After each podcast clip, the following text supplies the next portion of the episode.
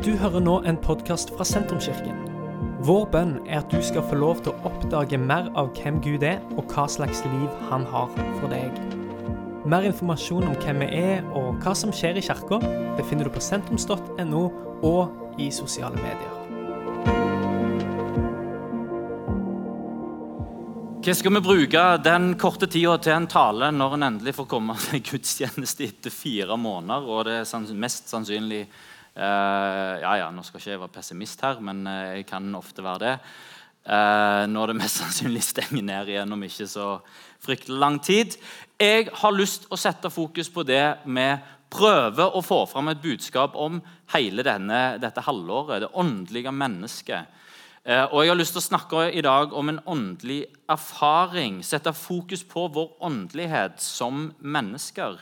For det eh, syns jeg å se at det er en reell fare for at vi glemmer i denne tida. Jeg syns òg det er en tendens til at en glemmer det i det året som har vært. Du trenger ikke være enig med meg i det. Men det er noen ting vi har lært i koronatid. Eh, og det er at det å være menneske det er mer enn å være levende. Eh, det å ha som strategi og mål for livet å ikke dø, det er ingen god strategi for et godt liv. Eh, for mennesket er mer Vi er kropp. Det, det er sant, men, men, men der, er, der, er, flere ting til oss. Og, og det har òg blitt tydelig dette året at mennesket er kropp, og at kroppen vår, biologien vår, den er sårbar. Det har blitt avdekka. Og, det, og det er klart det er noe vakkert i samfunnet vårt Eh, når det å beskytte kroppen, ta vare på kroppen og helsa eh, Når vi gjør forsagelser eh, for å beskytte de svakeste.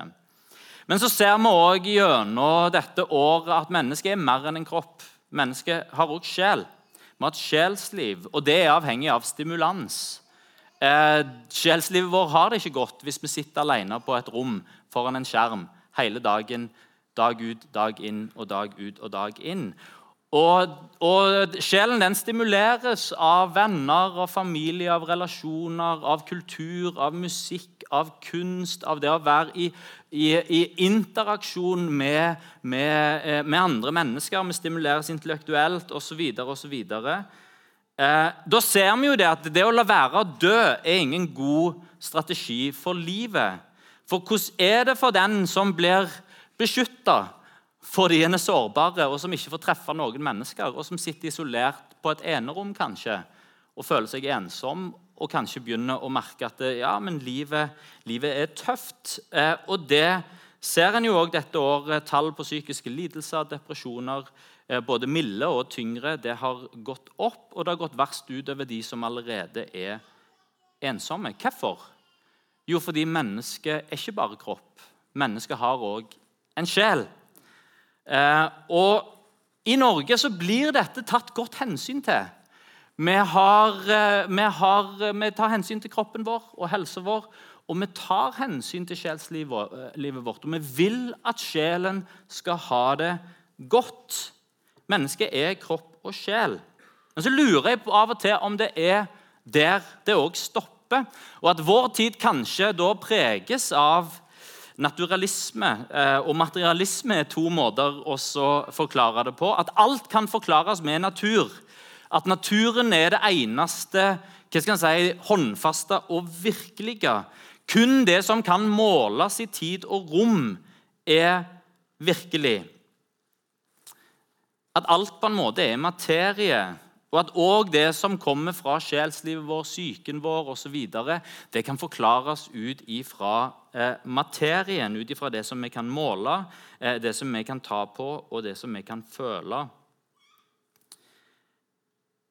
Det som kommer ut av disse måtene å se eh, verden på, er at alt kan forklares med vitenskap.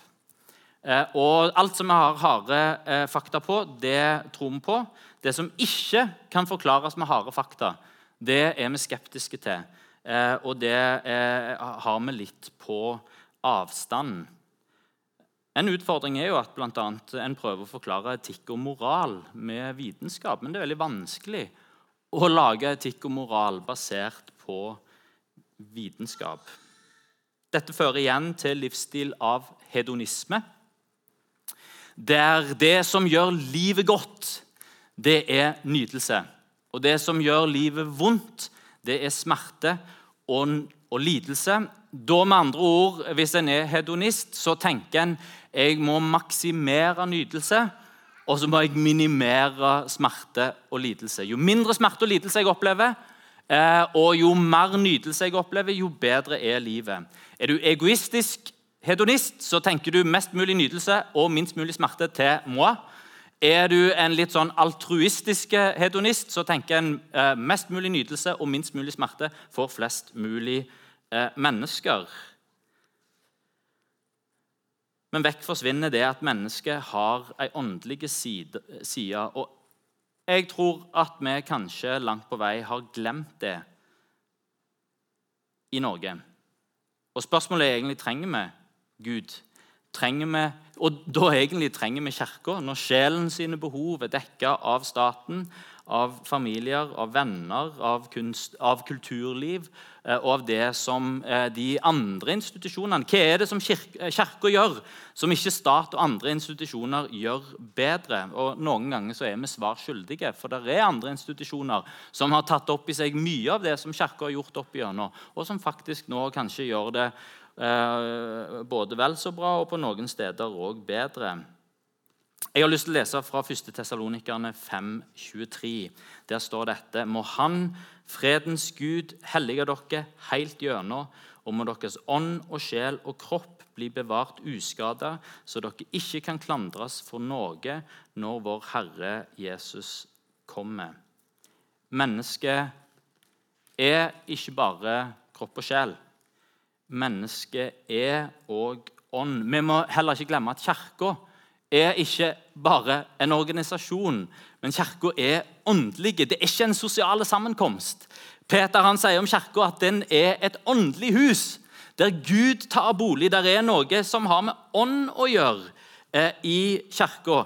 Og så deler da Bibelen mennesket opp i på en måte tre bestanddeler. Så det er nesten som en er delt i tre.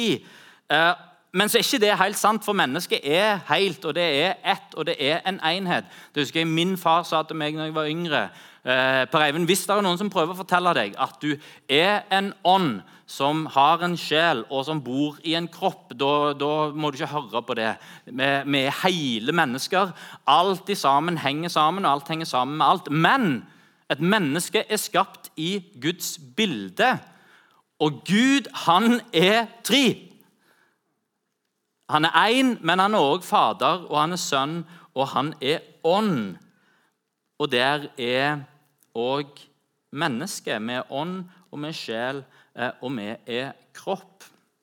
Frafallet av ånd i vårt samfunn og denne framveksten av hedonisme eh, har ført til at det har også påvirka hvordan kristne ser på Gud. I USA så, eh, så har en valgt å kalle der er det forskere som har kalt måten unge amerikanere ser på Gud eh, Der kaller en Gud for the, the moralistic therapeutic, therapeutic deity. En moralterapeutisk guddom. Der Gud får på en måte Guds rolle i livet er å hjelpe meg til lykke, til velvære, og det er å eh, beskytte meg ifra smerte og lidelse. Det er et bilde på Gud som knuses ganske raskt. For hva skjer når livet ikke er lykkelig? Hva skjer når en opplever smerte og lidelse? Da blir det Guds feil, for det var jo han som skulle beskytte meg fra all smerte. Og det var han som skulle veilede livet mitt til lykke eh, og til nytelse. Derfor mister mennesker troen i møte med vanskeligheter og i eh, møte med lidelser og smerte, for det stemmer ikke med det bildet som en har av Gud. Gud er jo den som skal hjelpe meg til et lykkelig liv. Å forstå at mennesket òg er ånd, det hjelper oss å takle livet. Det gir et rett bilde av hvem mennesket er, og så gir det også, og det gir et rett bilde av hva det vil si å være et menneske. At det er mer til livet enn lykke og følelser. Det som vi kan ta og se på og måle. Eh, og det hjelper oss til å takle lidelse. Den som kanskje mer enn noe annet i Bibelen advarer mot en sånn hedonistiske livsstil der det bare handler om nytelse eh, og å unngå smerte, eh, det er eh, forkynneren, som da har skrevet Forkynnerens bok, som er sånn cirka midt i, midt i Bibelen. Og, helt, helt, avslutningsvis i Forkynneren, Forkynneren 12,7 så sier da forkynneren, som de fleste er enige om er Salomo, som står bak når støvet vender tilbake til jorda som det støv det var, og ånden går tilbake til Gud som ga en Hva er det som skjer med et menneske mot slutten av livet?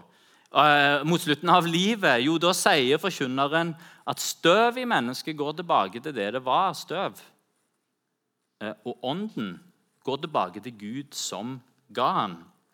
Hele forkynnerboka snakker om det meningsløse i tilværelsen. Eh, hvis det kun er materiell velstand og luksus og nytelse som står i hovedsetet Salomo, som da har skrevet forkynnerboken, han er vel kanskje den i verdenshistorien som har testet ut mest av en hedonistisk eh, livsstil. Eh, han, eh, der, der, står det 'Jeg nekter meg ikke noe gode' eh, i jakten på et lykkelig liv. Og så finner han ut til slutt at alt dette her er bare jag etter vind. Er, det, det er tomhet. Det er ingenting i det.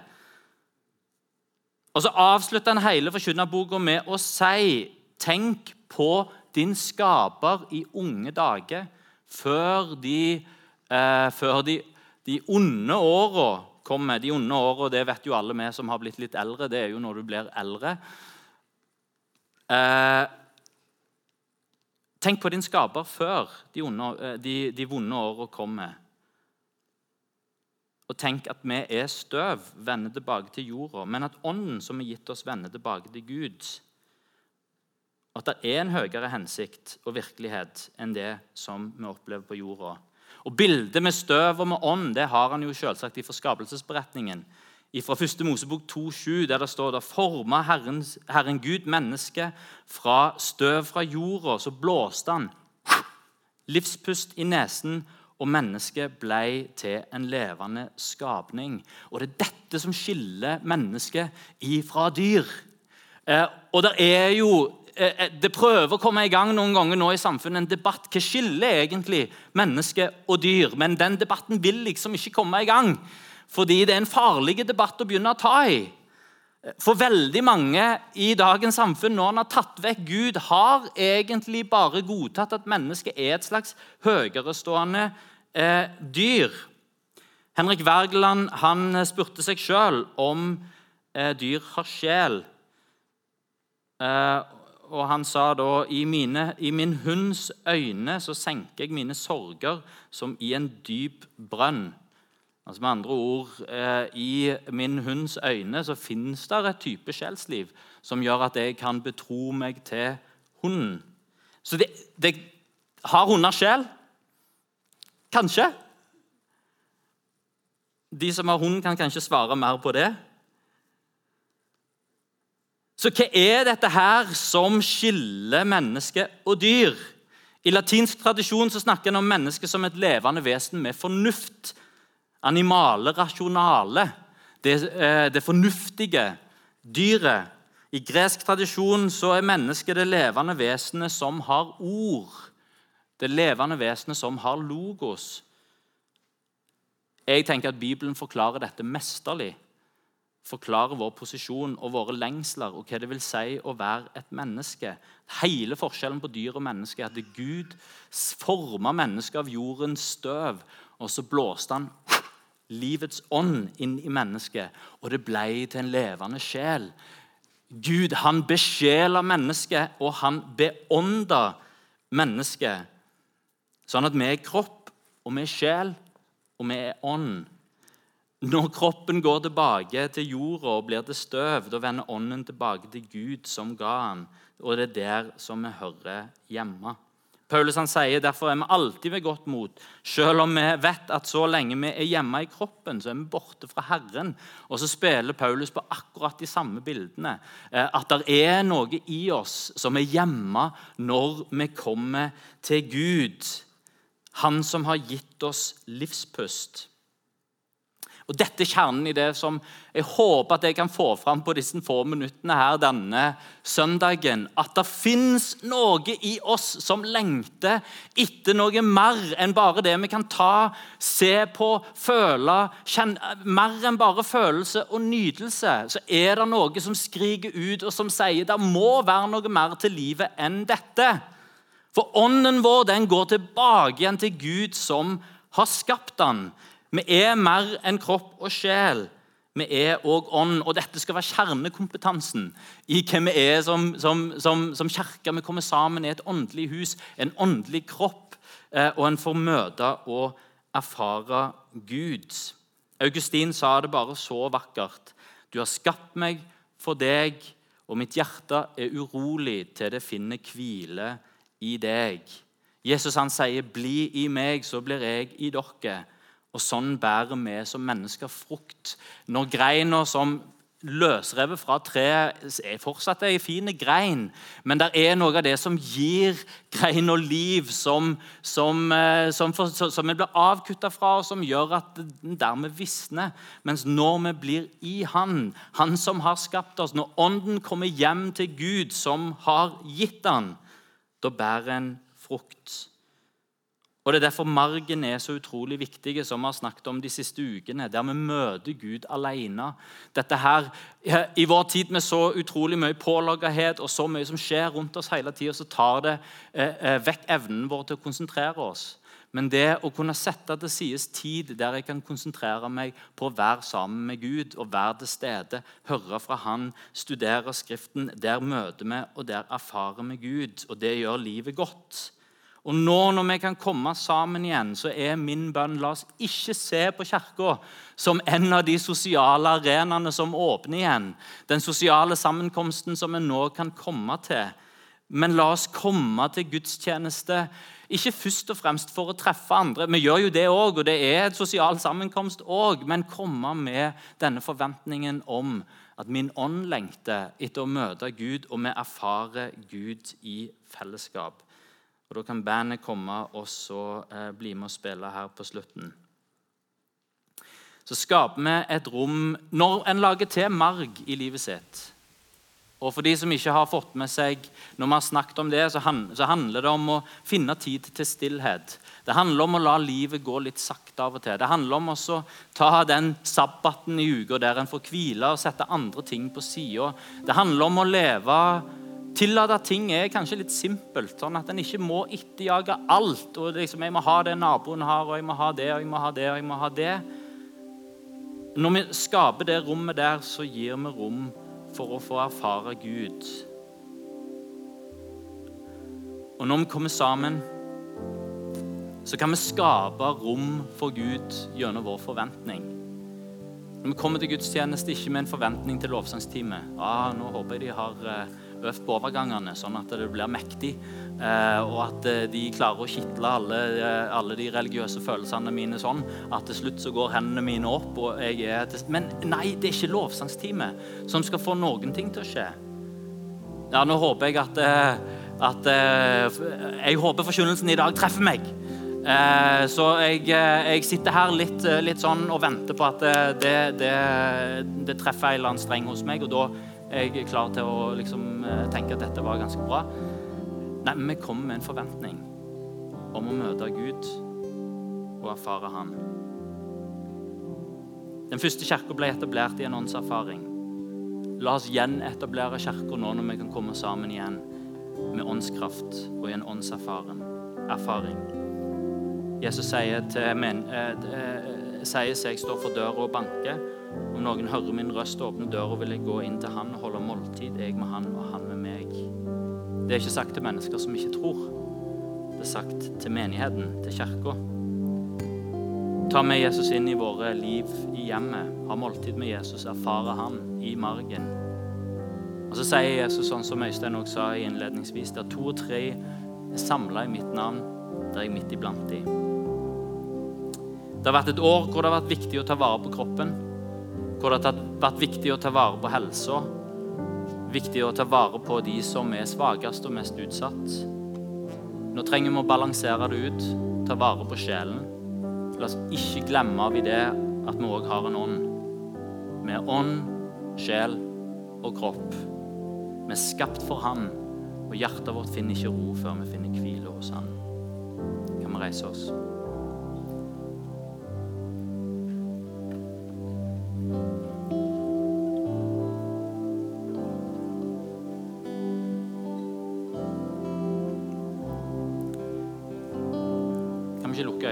Der som vi står? Jesus han er her, for det, det er sant det som han sier. Det er to-tre samla i mitt navn, der han midt iblant oss. Vi er samla i Jesu navn nå. Det er det som denne gudstjenesten handler om. Jesus er her, han vil betjene deg. Hvis du er komfortabel med det mens du lukker øynene dine, så kan du godt bare strekke hendene dine ut foran deg. Bare åpne hender som bare viser overfor Gud Gud, jeg er her. Jeg ønsker at du skal møte meg akkurat nå. Så vil jeg be en bønn for oss før vi lovsynger. Herre, takk for ditt nærvær. Takk at du betjener hjertene våre, Herre Jesus. Takk at du betjener lengslene våre, Herre. Takk at du har skapt oss for deg. Ber Herre om at vårt urolige hjerte skal finne hvile i deg, Herre. Herre Jesus, takk at når vi blir i deg, så blir du i oss. Ber om at ditt liv skal få lov til å strømme gjennom hver enkelt en her inne. Du skal få bære frukt. Takk at du fyller oss med din kjærlighet og med din kraft. Herre Jesus, takk at du er til stede hjemme i stuene våre, når vi er ute på tur. I margen vår så er du til stede, men du er òg til stede når livet skjer, Herre, i alt det hektiske og i alt det vanskelige og alt det fantastiske. Takk at du er der, Herre. Og takk at du er her, og takk at du møter oss akkurat nå. Jeg ber om at du snakker til hjertet vårt, Herre. Takk at vi kan få lov til å komme hjem til deg. Takk at det liv som du har blåst inn på innsida, Herre, det finner sitt hjem i deg. I Jesu navn. Dette er slutten på denne podkastepisoden. Har du spørsmål om Jesus, om tro, om livet, så er du hjertelig velkommen til å ta kontakt med oss via sentrums.no.